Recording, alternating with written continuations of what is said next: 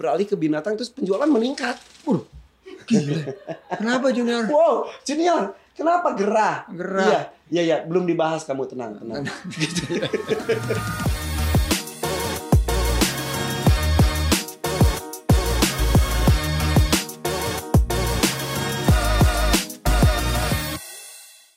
Guys, saya mau perkenalkan bintang tamu hari ini yang sangat-sangat spesial. Dia namanya Junior, tapi bukan Cowboy Junior, bukan juga Junior Lim, tapi tumben kenapa bintang tamu saya yang kali ini ini sangat malu-malu. Mau lihat nggak bintang tamu saya? Tuh, si Junior. Hey, Mas Andi, jangan juniornya yang ininya dong. Oh,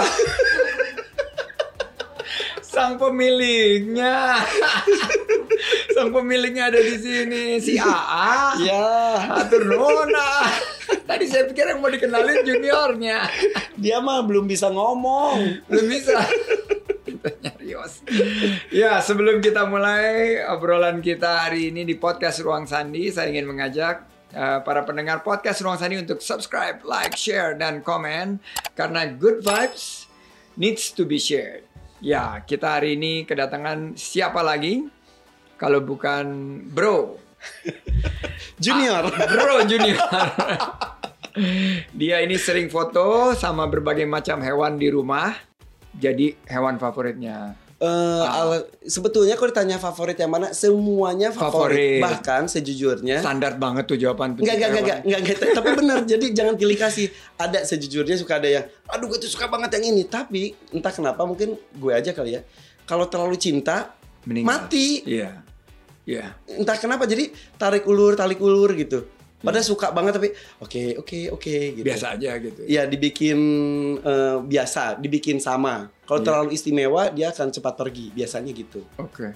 Dan kalau kita lihat ini kan di perumahan gitu melihara begitu banyak hewan ada kesulitan-kesulitan nggak seperti kayak dokter hewannya datang Oh sendiri iya ke ada. rumah? Jadi kayak misal di rumah itu ada eh, keepers khusus, ada khusus binatang saja, ada kurang lebih dua saja. Kemudian ada dokter visit. Hmm. Belum ada lagi eh, para ahli-ahli binatang kan jenisnya tuh banyak dari mamalia, unggas, eh, reptil dan Hmm. itu membuat komunitasnya tuh banyak sekali ya yang saya kenal. Bisa mereka kumpul di rumah itu hari apa, komunitas apa, hari apa, komunitas apa akhirnya banyak ilmu, banyak teman, banyak cerita, Berbagi sharing gitu ya. sharing betul. Nah tadi kan hewan pertamanya itu ular. Ular. Pernah hilang nggak ularnya? Pernah Mampus lo. Jadi nemunya di atas kasur. mana kos Jadi ular lagi kasur. nah Ah. tet. jadi ngekos ularnya ular boa lagi Ah. boa itu cukup besar kan yang paling panjang itu kan ular eh, retik eh, sanca Apa, kembang Indonesia itu paling panjang Python gitu ya. Betul, kalau paling besar itu eh, anaconda. Nah, kalau ini tuh boa itu urutan keberapa gitu. Hilang tiba-tiba di kos-kosan. Satu kos-kosan langsung Wow. wah repot. Aduh, ular si Irfan hilang, ular si Irfan hilang. Sampai Pak RT datang. Mas Irfan dengar-dengar ularnya hilang. Iya, Pak. Tapi baik kok kalau misalnya itu ketemu gitu. Ternyata bener di kasur. Kan? Makanya sering disebut sebagai Ular kasur. Ya. Tapi yang paling menarik sih kalau ya hewan yang kebetulan saya juga pelihara hewan Hmm. adalah interaksi ya bahwa ternyata mereka itu gimana ya so sweet Betul. terus dia ikut sedih kalau kita lagi Ya. galau terus dia bisa bikin kita ceria. Ya. Dengan caranya mereka berkomunikasi dengan kita walaupun tidak dengan bahasa yang kita mengerti tapi kita bisa tahu oh dia senang, oh dia happy. Kalau kita sedih betul kadang-kadang mereka tuh kayak eh, ikut berbagi dengan kita gitu. Bahkan kemarin dua minggu lalu aku ketemu dokter namanya dokter Rajanti. Dia bisa berkomunikasi dengan hewan dengan gelombang alfanya dia gitu dan itu bisa dipelajari. Dia- Nabi Sulaiman, Bro. Nah itu kalau dulu Nabi Sulaiman ya. Nah itu jadi percaya nggak percaya sampai ketemu gini, dokter dukun atau dokter sih begitu. Karena kan itu nggak bisa dibuktikan, tapi dia bersertifikat dari Jerman dari mana gitu. Jadi kayak misal si Babe ini, kemarin itu kan kan si Babe sempat kakinya patah, Oh, patah pernah. pernah karena dia ke apa ke gencet eh, itunya sendiri eh, kandangnya dia sendiri sampai di akupunktur di segala macam gitu. Pas ketemu Ada akupunktur buat hewan ada gitu? akupunktur hewan segala macam. Wow. Kalau X-ray, kalau eh, apa sih sesar gitu udah biasa ya. Ini akupunktur juga sana sudah ada. Nah, ketika ketemu dokter Rajanti, gue tanya, Babe seneng gak sih, bahagia gak sih sama gue gitu. Itu pertanyaan kalau kita melakukan hubungan relationship gitu kan dengan manusia pun kita dia happy gak sih sama gue Ah. gitu kan nah gue Dia tanya tertekan nggak sih tinggal Nah. di sini? nah itu pas ditanya terus eh, si dokter Janti cuma rem sudah gitu bakar kemenyan dukun dong Serius. Enggak, enggak, enggak, enggak. Merem doang terus dia bilang, oh Babe happy banget. Bahkan dia bersyukur katanya bisa dipelihara oleh Irfan. Nangis. Jadi maksudnya sesuatu yang pengen kita tahu tapi dia tidak bisa menyampaikan. Tapi dengan eh, perantara si dokter Rajanti itu jadinya tahu kalau dia tuh happy gitu. Jadi jadi pede gitu. Terus sedih aja gitu, terharu. Ya, memang ada kayak connection gitu ya. Ya, ya, ya, ya. kepada dan apalagi multiple connections karena banyak, Banyak sekali kan sekali. hewan eh, peliharaan. Dengan berbagai macam karakter. Nah, kalau misalnya satu yang ada yang sakit gitu, Hmm, hmm.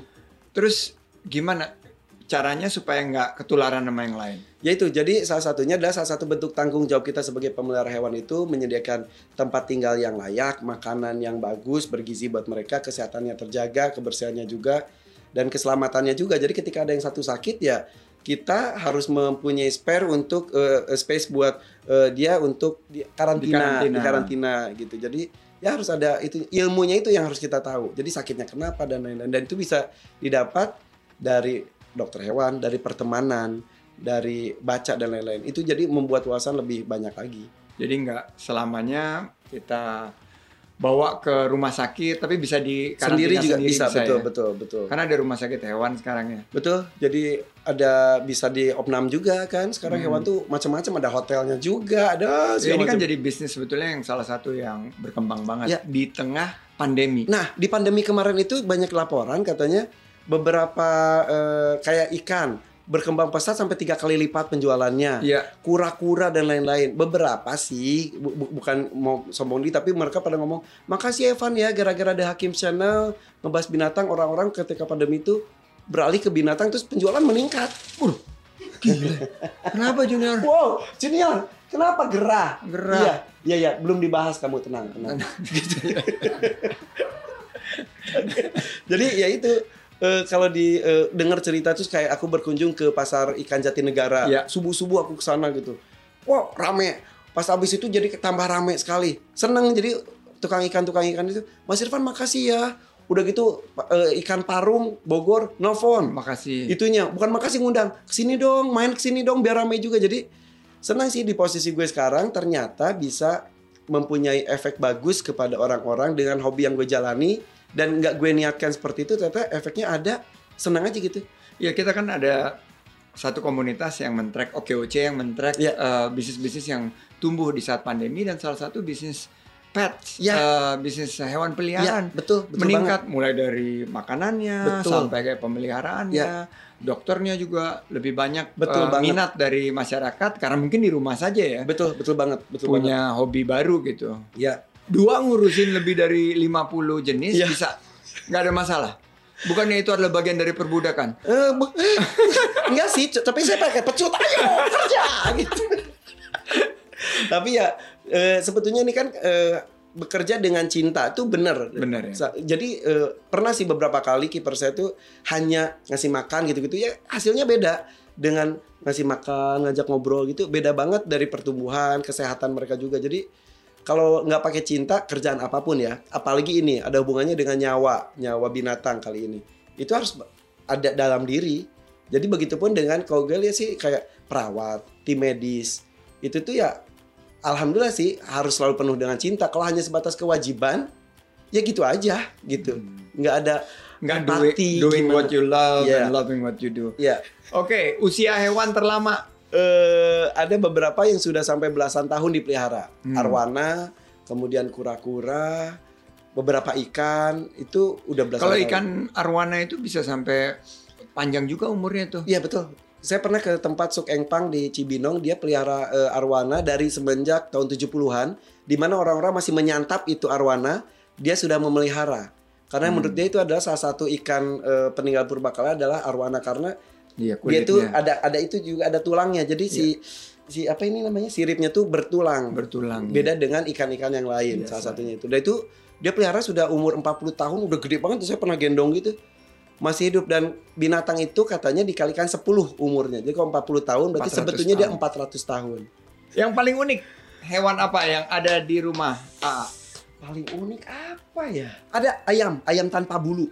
Ayam tanpa bulu. Itu dari Israel. Tadinya mau dibawa ke sini tapi eh, harus pakai popok gitu. Oh, oke. Iya. Jadi si ayam ini ayam tanpa bulu itu diciptakan oleh eh, Israel karena saat itu katanya mereka nggak mau repot masak ayam harus nyabutin bulu. Akhirnya rekayasa genetik dicampur aduk campur aduk sampai ayam tanpa bulu beneran nggak ada pori-pori, nggak ada sisik. cerdas. Ya gitu. Hanya untuk gak Supaya nggak nyambut. bulu. Ampun. Padahal bulu itu kan bisa jadi Kemoceng. kemoceng bisa jadi kok buat bulu tangkis. Iya juga, itu mah angsa kayaknya, Oh, bukan ayam bukan. ya. bulu tangkis model baru. Nah, banyak orang kagum dengan Super Mega Tank. Ya, Sebuah akuarium yang luar biasa besarnya di rumah Irfan. Keren banget. Itu bisa diceritain nggak? Mengenai Jadi- Super Mega Tank. dulu sebutnya megateng, megateng karena ukurannya memang cukup besar dibanding akuarium-akuarium yang lain. Jadi posisinya tuh di basement. Kalau dari luar itu kayak kolam, tapi kalau di basement di ruang keluarga Taruh jadi kaca ya. ya betul. Kan rumah saya tuh bagus ya. Hmm. Terus udah- ngomong ke Bang Sandi lagi. Sok banget. Ah, terus? Kapan-kapan datang ya. Iya, siap. Kita gerbek. Oke. Nah, itu dibuat eh, bareng dengan rumah joglo saya juga. Nah, Hmm. diisi ikan predator. Suatu ketika mati semua ikan gara-gara kiper saya lupa nyolokin eh, Oh, buat itu. oksigen. Bukan iya oksigen dan juga itu filternya. Aduh, kasihan. Pas saat itu Pak Mbak Imong lagi ke rumah, saya ngambil ikan pari, ikan pari itu saya itu kan sampai beranak-beranak. Udah pulangnya bawa ikan parinya. Lupa dicolokin lagi jam 2 siang. Jam 6 udah ngambang semua. Tragedi itu membuat Megateng jadi terkenal. Heeh. Bad news is good news. Iya. Ya, jadi Lalu ketika- terjadi begitu ya. Jadi kalau kesuksesan, oke selamat. Tapi kalau kesulitan, ah dia kesulitan. Jadi heboh. Iya, senang ini SMS. SMS. Senang, Senang melihat orang susah, susah melihat orang senang. nah, Ternyata terjadi di Mega terjadi. Tapi alhamdulillah dengan kejadian itu ternyata keberkahan banyak sekali. Salah satunya penjualan ikan jadi heboh dan lain-lain. Nah, Hmm. Super Mega Tank ini akhirnya dibikin ada aquascape itu. Yang bikin aquascape-nya tuh eh, para juara dunia. Jadi Indonesia itu oh, keren. ya eh, punya aquascaper nomor oh, satu di dunia lah banyak sekali dan juga sering jadi juri tingkat internasional tapi belum terlalu eh, dikenal orang alhamdulillah dengan saya bekerja sama dan mereka saya mempublikasikan lewat YouTube saya alhamdulillah sekarang tetangga-tetangga mereka pemerintahan setempat mereka jadi tahu bahwa warganya itu hebat loh udah membawa nama baik Indonesia loh gitu dan aquascape Indonesia itu udah jadi kiblat dunia juga karena kayunya batunya tanamannya banyak di Indonesia. Jadi kita harus bangga dengan Indonesia dan ini gara-gara hobi gue jadi gue ketemu dengan orang hebat. Jadi talenta sih kita nggak kalah ya. Kita banget. punya punya talenta talenta kelas dunia ya. Seni itu Indonesia mah nomor satu. Seni itu Hmm. aduh luar biasa. Nah, kenapa gue ngomong super mega tank? Tetap kan suka ada yang nyinyir kan.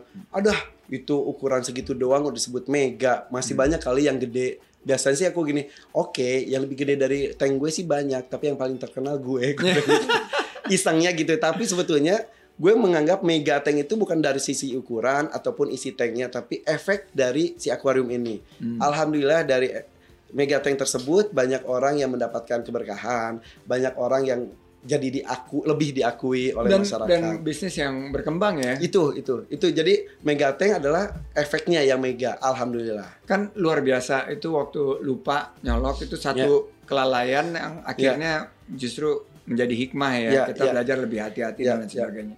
Untuk yang binatang-binatang lain ada nggak cerita-cerita serupa gitu yang akhirnya menjadi hikmah? Kadang-kadang kita pengen melepas semuanya juga kan. Ada keinginan seperti itu. Di rumah itu dulu ada iguana, burung gitu, dilepas aja dan mereka nggak ke mana-mana. Tapi ternyata ada beberapa hewan yang tidak bisa hidup berdampingan. Tiba-tiba iguana Dimakan. saya lari ternyata sama kucing digigit ekornya sampai putus, akhirnya infeksi, akhirnya meninggal gitu. Jadi melihat kondisi seperti itu, ya udah mereka tuh ada hak untuk lepas, hak untuk bebas, tapi ada eh, hak mereka juga untuk mempertahankan hidup dari gangguan dari binatang-binatang lain. Akhirnya karena kadang-kadang igu- iguana nggak bisa disatuin sama si babe. salah satunya. Ada kemungkinan untuk saling melukai gitu. Tapi Iya. ada juga yang bisa hidup berdampingan. Jadi nggak ada teori yang pasti sebetulnya. Itu kayak gini deh aku di Megateng itu kan ikan predator. Hmm. harusnya saling bunuh saling hajar dan lain-lain. Tiba-tiba di Megateng aku tuh ada ikan gede banget bisa berdampingan dan ikan kecil dan nggak dimakan karena Hmm. mereka sudah saling tahu bahwa gue nggak akan nyakitin lo gue nggak akan ganggu lo ya itu yang mahal. Ketika mati seketika itu tuh itu kan peliharaan udah tujuh tahun sampai nangis Iya. karena ya udah bikin eh, satu tank bisa dengan saling menghargai itu kan sulit gitu. Kalau ada satu hari 24 jam setelah dikurangi masa istirahat dan lain sebagainya, berapa persen untuk hewan peliharaan, berapa persen untuk kerja, berapa persen untuk keluarga? Oke. Hmm. Keluarga gue nonton gak nih? Kayaknya sih eh, Oke. nonton. Biar biar image gue bagus, semuanya itu untuk keluarga. Hmm. Tapi secara persentasenya banyaknya untuk kerja. Nah, Kemudian di selain setelah itu baru hobi. Tapi gimana caranya? Dia babe, babe, Habis sayang. babe sayang. Iya iya iya iya. Iya iya iya iya. Diam aja diam. Diam. Kan tadi janji diam, ya. Kan janji diam, diam diam diam. Ya gitu. Jadi gimana caranya semuanya itu dilibatkan bersama dan keluarga. That's why aku anak-anak aku juga sangat suka binatang. Dari pagi mereka juga udah interaksi dengan binatang, ikut ngasih makan gitu-gitu. Ada yang ngasih tahu bahwa biaya hewan peliharaan ini bisa melebihi biaya beli tas buat istri. Oh istri saya nggak suka beli tas. Oke. Eh, eh, isi isi tasnya ya tapi ya istri istri itu sampai apa ya satu dia nggak suka barang-barang branded alhamdulillah ya. Hmm. gitu jadi eh tapi ya uang belanja istri uang belanja keluarga gitu lebih besar hewan. Beberapa kali lipat hewannya karena banyak banget. Dan istri oke oke aja karena selama pelihara hewannya di eh, urus. Tapi kalau hewannya sakit hewannya mati istri bisa marah Ya. tapi untuk berkorban ini kata kata istri ya udah ini anggap aja pahala. Wah, such a loving wife ya. Ya itulah Sangat- saya sangat cinta sama dia. Sangat mendukung ya.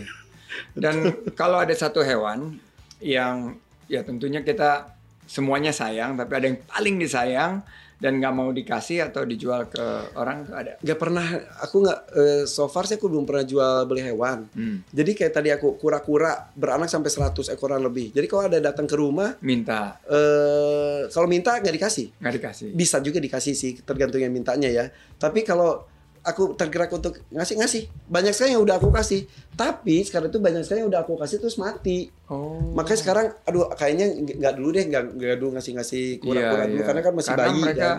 dan belum tahu ngurusnya. itu itu kadang-kadang. karena kan itu tanggung jawab kan karena pelihara hewan itu komitmen komitmen seumur hidup si hewan itu jadi ketika hewan itu sudah kita adopsi seumur hidup dia dia akan menggantungkan diri kepada kita dan itu Hmm. tanggung jawab besar nggak bisa seenaknya gitu Waktu di awal-awal pandemi di Netflix tuh ada satu um, episode sebetulnya satu konten ya itu namanya Joe Exotic tentang satu uh, orang Amerika yang namanya Joe ngumpulin itu begitu banyak big cats jadi kayak babe gini tapi yang ya ada karakal gitu gitu Iya. kali ya. Eh, dan eh, memang di situ terlihat gitu ada satu eh, pemisah yang sangat tipis antara cinta dan actually breeding ya Eh, ya breeding dan akhirnya di di oh Bunyi. junior ya bisa Iya. bunyi Oh, toh bunyi ya selama ini kamu diam aja ya iya iya iya iya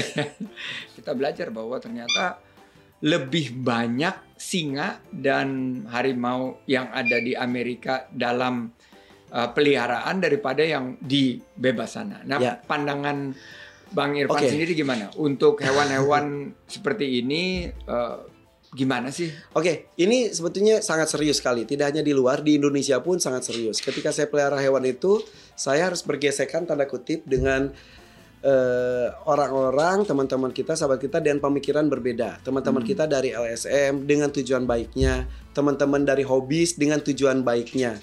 Teman-teman dari lembaga konservasi dengan tujuan utamanya juga. Jadi sebetulnya semuanya juga tujuannya untuk menyelamatkan hewan dari kepunahan. Hmm, Tujuan akhirnya seperti itu. ya. LSM gue hargai banget. Mereka menginginkan semuanya kembali ke alam. Alam. Betul sekali. Alam adalah tempat terbaik untuk binatang. Binatang apa pun itu, apalagi binatang yang hampir punah. Ya. Sementara hobis yang gue kenal mempunyai pikiran bahwa dengan kemampuan dia, dengan tenaga dia, dengan eh, biaya yang dia keluarkan, dia juga dengan penuh cinta ingin menyelamatkan hewan tersebut dengan mengembangbiakan binatang tersebut. Hmm. Dan banyak buktinya, misal di Indonesia, jalak Bali itu sangat hampir punah. Hampir punah ya tapi jalak Bali. alhamdulillah terselamatkan walaupun sekarang statusnya masih dilindungi, tapi terselamatkan dengan hobis Oke. di digabu Di kawin-kawinin kawinin kawinin akhirnya sekarang alhamdulillah selamat Jadi ada peran dan tanggung jawab masing-masing. betul jadi sebetulnya pemikiran teman-teman LSM untuk ke alam betul sekali Hmm. tapi pemikiran para hobis begitu pun lembaga konservasi ya harus kita hargai juga seperti Hmm. itu karena lembaga konservasi dan juga hobis juga berpikir bahwa alamnya pun sekarang sudah mulai menipis Oke. ketika binatang dikembalikan ke alam belum tentu dia akan selamat survive. survive juga bisa jadi justru itu bisa menjadi neraka mereka karena predatornya sudah eh, ekosistemnya juga sudah acak-acakan gitu. Hmm. Kita lihat Kalimantan aja udah nggak hijau lagi kan sekarang seperti Hmm. itu. Nah, pernah sering nggak ke tempat-tempat pariwisata di mana kita temui para hewan peliharaan ini Em, di dalam negeri dan di luar negeri? Sangat sering. Sering ya. Tempat wisata favorit ya zoo, Di zoo ya, taman Zoo. safari, betul eh, kebun binatang kebun binatang. Sekarang kebun binatang Indonesia fauna tuh land, fauna di land, Ancol, betul. ya. Iya betul. Itu sangat suka sekali saya ke sana.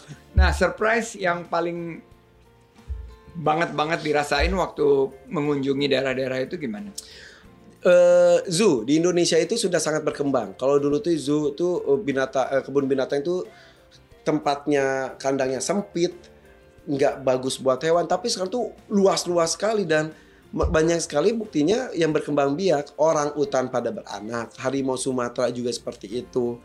Senang sih ya sa- saling dukung aja dah. Ragunan lah ya, Ragunan. salah satunya. Iya salah satunya juga betul. Dan Banyak, kalau banyak. di luar negeri, zoo mana yang paling berkesan? Singapura Singapura itu itunya. Singapura Zoo ya. Iya, tapi Singapura Zoo itu lebih banyak kebunnya daripada binatangnya. Oke. Kalau zoo-nya gue kurang suka, tapi rivernya itu suka. Nah, punya keinginan nggak untuk melihat hewan tertentu secara langsung tapi belum sampai belum kesampaian? Kayaknya udah semua ya. Apa Udah lihat ya? Udah kayaknya ya. Gajah, Udahlah. jerapah, Udah depan mata gitu disuap-suapan. udah. Udah dibawa bab di uh, Prigen. Oh. Kalau gajah sampai ditindih saya saya pernah ditindih gajah loh, Oh, Pak. gimana caranya tuh? Di, di Taman Safari. Taman- Itu show terus kirain aku cuma dilangkahin doang. Ditindih. Waduh, berat Aduh. banget kali. Saya tuntut tuh gajah. Nah, paling unik pernah nemu hewan apa? Terenggiling. Terenggiling. Jadi tiba-tiba ada terenggiling ditemukan di komplek Bekasi, perumahan Bekasi. Jadi satpamnya ngelihat terenggiling lewat di perumahan Bekasi. gimana caranya tuh? Nggak ngerti. Mungkin lewat itu kali sungai kali ya. Kok gue sih curiga itu Atau naik angkot mungkin. kayaknya kan yang gelinding tuh. Ah, ngelinding. Kayaknya sih gue curiganya itu peliharaan orang yang lepas. Lepas. Curiganya. Jadi ketemu sama satpam, satpamnya nyerahin ke satu keluarga yang hobi eh, binatang juga. Itu ngehubungin Ustadz Abi Maki, Hmm. Abi Maki ngehubungin saya. Akhirnya pokoknya dia datang. Akhirnya saya ketemu Fardan, Fauna Land, Hmm. ketemuan bawa terengilingnya, serahin ke BKSDA dan sekarang sudah dilepaskan di alamnya si terenggiling itu. Iya, Jadi iya. itu seumur umur karena terenggiling itu salah satu yang diperjualbelikan ya secara Itu. ilegal. itu karena sisik-sisiknya itu katanya buat apa gitu, buat sabu, Oh, oh buat sapu. buat sabu juga katanya. Oh. dan juga buat itu buat Ah, itu jantanan pria. Iya, vitalitas. Iya. Pernah coba ya? Eh, istri saya tidak melihat. Karena kalau dibilang pernah coba, aku nggak pernah ngerasain. nah, selain terenggiling, ada cerita lagi menyelamatkan hewan yang berbahaya nggak? Yang waktu itu tiba-tiba ditelepon, ini ada binatang ini. Paling itu ular ya di awal tahun kemarin tuh kan ular kobra tuh banyak banget tiba-tiba kan.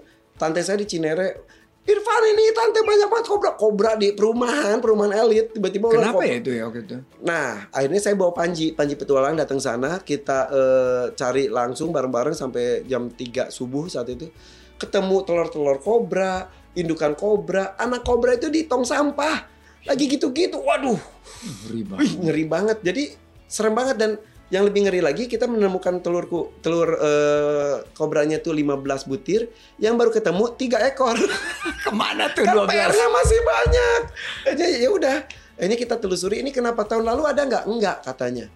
Jadi yang gue lihat Indonesia itu kan sedang membangun, membangun dan membangun. Bagus. Ada yang habitat yang terusik. Nah, kalau kita lihat Australia ketika membuat jalanan tol, ini hutan, ini hutan, dibikin jembatan khusus untuk binatang nyebrang. Hmm. Isinya tuh ya gitu kayak hutan tapi dibikin jembatan. Jadi ketika si apa mau siap- Kanguru mau kanguru lewat. mau lewat, ya lewat jembatan itu terus Hmm. kau mi- bikin perumahan bikin gorong-gorong untuk binatang yang selama ini tinggal di situ Iya dipikirin banget ya. dipikirin Segitunya gitu. jadi gue bukan anti pembangunan jadi mau bikin tol mau bikin perumahan apartemen silakan tapi yang hidup di situ tuh banyak juga loh gitu jadi kalau merasa terganggu ya karena dia diganggu menurut aku gitu Ya waktu saya bangun tol di Cipali waktu Hmm, itu hmm, hmm. eh, salah satu pen- eh, yang menyediakan dana itu kan dari eh, Bank Dunia. Hmm. Bank Dunia mensyaratkan itu nama tesnya itu ESG, Environmental Social Governance dan menurut penelitian dia ada beberapa kambing yang ada di situ. eh, bagaimana caranya mereka bisa eh, dengan adanya hadirnya tol ini tidak eh, terganggu Iya, kehidupannya iya. sampai begitu gitu. kambing Kambing. Nah itu orang luar itu bener-bener gila loh memperhatikan nyawa tuh tidak hanya manusia binatang pun diperhatikan gitu. Iya, jadi memang harus butuh kedisiplinan. Ya, mudah-mudahan ini PR untuk kita semuanya sih. Sip. Tidak menyalahkan eh, pihak Tidak ada yang mana pun. menyalahkan Betul. kita demi lebih baik, habitat terbentuk, Ya, environment terjaga, people, planet, dan bagaimana ciptakan lapangan kerja. Nah, di podcast Ruang Sandi selalu ada segmen tertentu, yaitu segmen Game Time. Saya akan mengajak AA untuk bermain games Sweet Cerman. jadi yang pemenang memberikan pertanyaan. Pertanyaan. Yang kalah jawab pertanyaan. Jawab pertanyaan. Oke, sweetnya sweet apa? Sweet, gaya, Jadul? Ya, gaya jadul, gaya Oke. kita. Ha, menang. Oke, menang. Silakan. Apakah banteng tertarik dengan warna merah? Di Spanyol itu ada nama gamenya Matador Yes. yang selalu menjadi identik dengan bahwa banteng itu tertarik dengan warna merah. Jawabannya sebetulnya salah. Banteng tidak tertarik dengan warna merah, tapi banteng tertarik dengan matadornya. Oh, karena matadornya celananya ketat ya.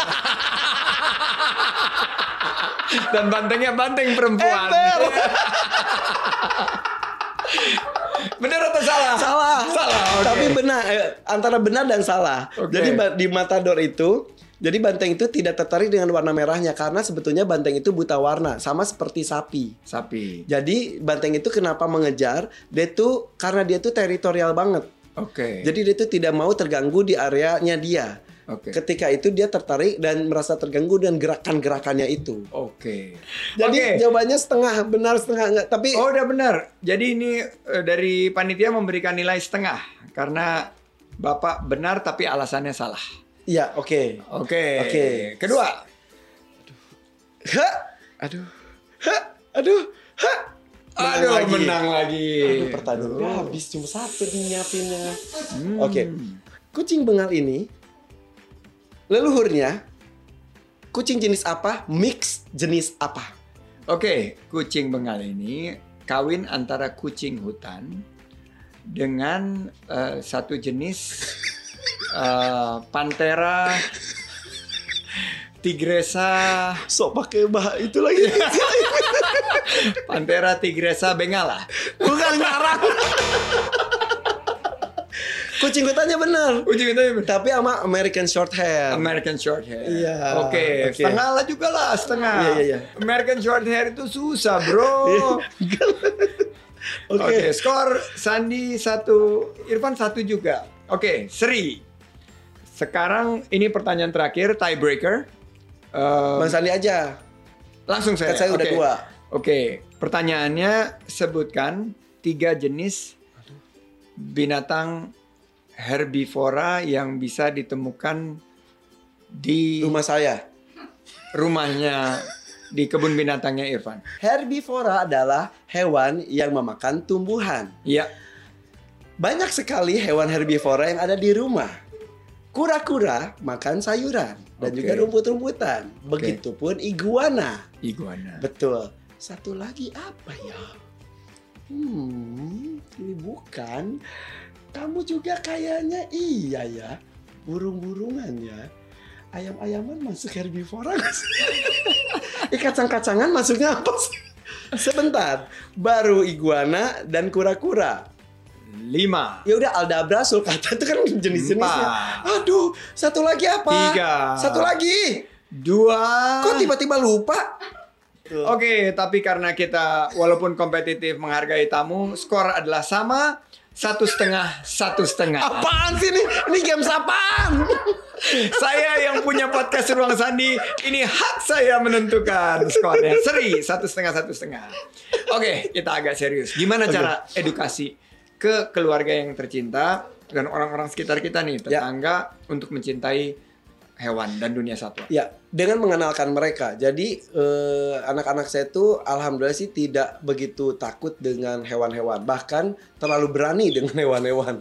Karena dari kecil mereka sudah dikenalkan dengan hewan. Mereka belajar merangkak aja eh, balapan dengan kura-kura dan lain sebagainya gitu. Anak saya si Jaki yang baru eh, satu tahun itu setiap pagi hobinya liatin ayam kayak gitu. Jadi ya perkenalkan, tapi ya itu perkenalkan dan juga tidak hanya untuk melihat tapi juga diberikan tanggung jawab seperti ikut merawat, memberi makan, mengelusnya, menyayanginya seperti itu. Jadi ada keterikatan dan itu ternyata efeknya juga bagus untuk anak-anak. Ke tetangga pun seperti itu. Jadi alhamdulillah tetangga-tetangga saya tuh ikut menikmati suasana rumah kita itu seperti milik mereka juga gitu. Jadi ikut merawat juga, ikut menikmati juga. Nah untuk lingkungan dengan adanya The Hakim Channel, oh The Hakim Channel itu channel animal pernah nomor 6 di dunia loh. Wow. Yes. Jadi masuk ke dalam kayak kategori Animal Planet. Animal, ya ada BBC, dan BBC lain-lain, yang- Dodo dan lain-lain. Iya, saya nomor Geo. 6, saya sih. Wow. Keren banget, keren. Banget. ya. Iya. ya. Bangga dong sama saya. Bangga banget, bangga. gitu. Jadi bangga dan- biasanya orang wow, ini- ini prestasi gitu. Tapi dipaksa. Sanggurum bangga dong. Jadi dengan adanya eh, YouTube channel ini tuh saya pergunakan untuk memberikan eh, aura positif, informasi yang baik buat semuanya. Jadi kalau dianggap saya mengajarkan untuk pelihara hewan, pernah ada yang protes? Jangan dong gitu. Eh, nggak ada yang protes mm, mengirimkan satu badan ke rumah karena ada laporan dari beberapa pihak katanya Irfan ini nggak benar karena mengajarkan orang pelihara hewan lah Lah. Lucu.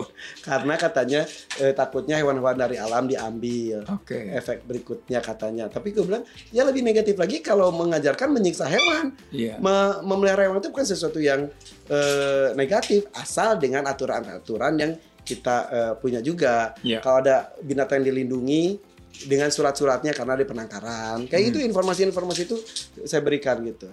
Iya, kita ba- banyak banget belajar ya. Dan karena sebetulnya sih buat saya borderline akhirnya balik kepada intention kan, balik kepada niat. Uh, Bro Irfan udah uh, punya satu komitmen niat bahwa ingin menyelamatkan satwa-satwa. Ya, betul dan sekali. dilihat uh, sebagai penyayang hewan peliharaan kita juga akhirnya kan memastikan bahwa keberlangsungan keberlanjutan daripada alam kita. betul betul betul sekali Terima kasih banget bro, bro Irfan dan next time ke sini tolong bawa reptil. bener ya bang Sandi takut apa binatang Saya sebetulnya relatively nggak terlalu takut tapi reptil salah satu yang saya agak eh, cukup asing. oke reptil. saya bawa reptil Oke, siap. Seorang peneliti penelestarian dan kesejahteraan hewan asal Inggris, Jane Goodall, bilang, "Only if we understand can we care. Only if we care will we help. Only if we help shall they be saved." Jangan biarkan hewan langka hanya jadi cerita di masa depan. Karena salah satu kewajiban dan tanggung jawab kita sebagai manusia ialah melindungi, melindungi dan melindungi dan memelihara serta merawat mereka seumur hidup. Save the animals. Ini anak saya nomor dua, Amira pasti senang banget. Saya juga ingin ingatkan para pendengar podcast Ruang Sandi juga subscribe The Hakim Channel, The Hakim Channel. Selain subscribe podcast Ruang Sandi, The Hakim Channel, kita co-subscribe, like, comment, dan share. Share good vibes Yes. agar kita bangsanya menjadi lebih baik lagi ke depan. Sampai jumpa di podcast Ruang Sandi berikutnya. Sekarang foto-foto sama Junior dan isi babenya sekarang Babe lagi tertarik lagi ngeliat tertarik Junior. ngeliat Iya. Junior. Oh, iya. Kita selfie dulu. Asik. Thank you.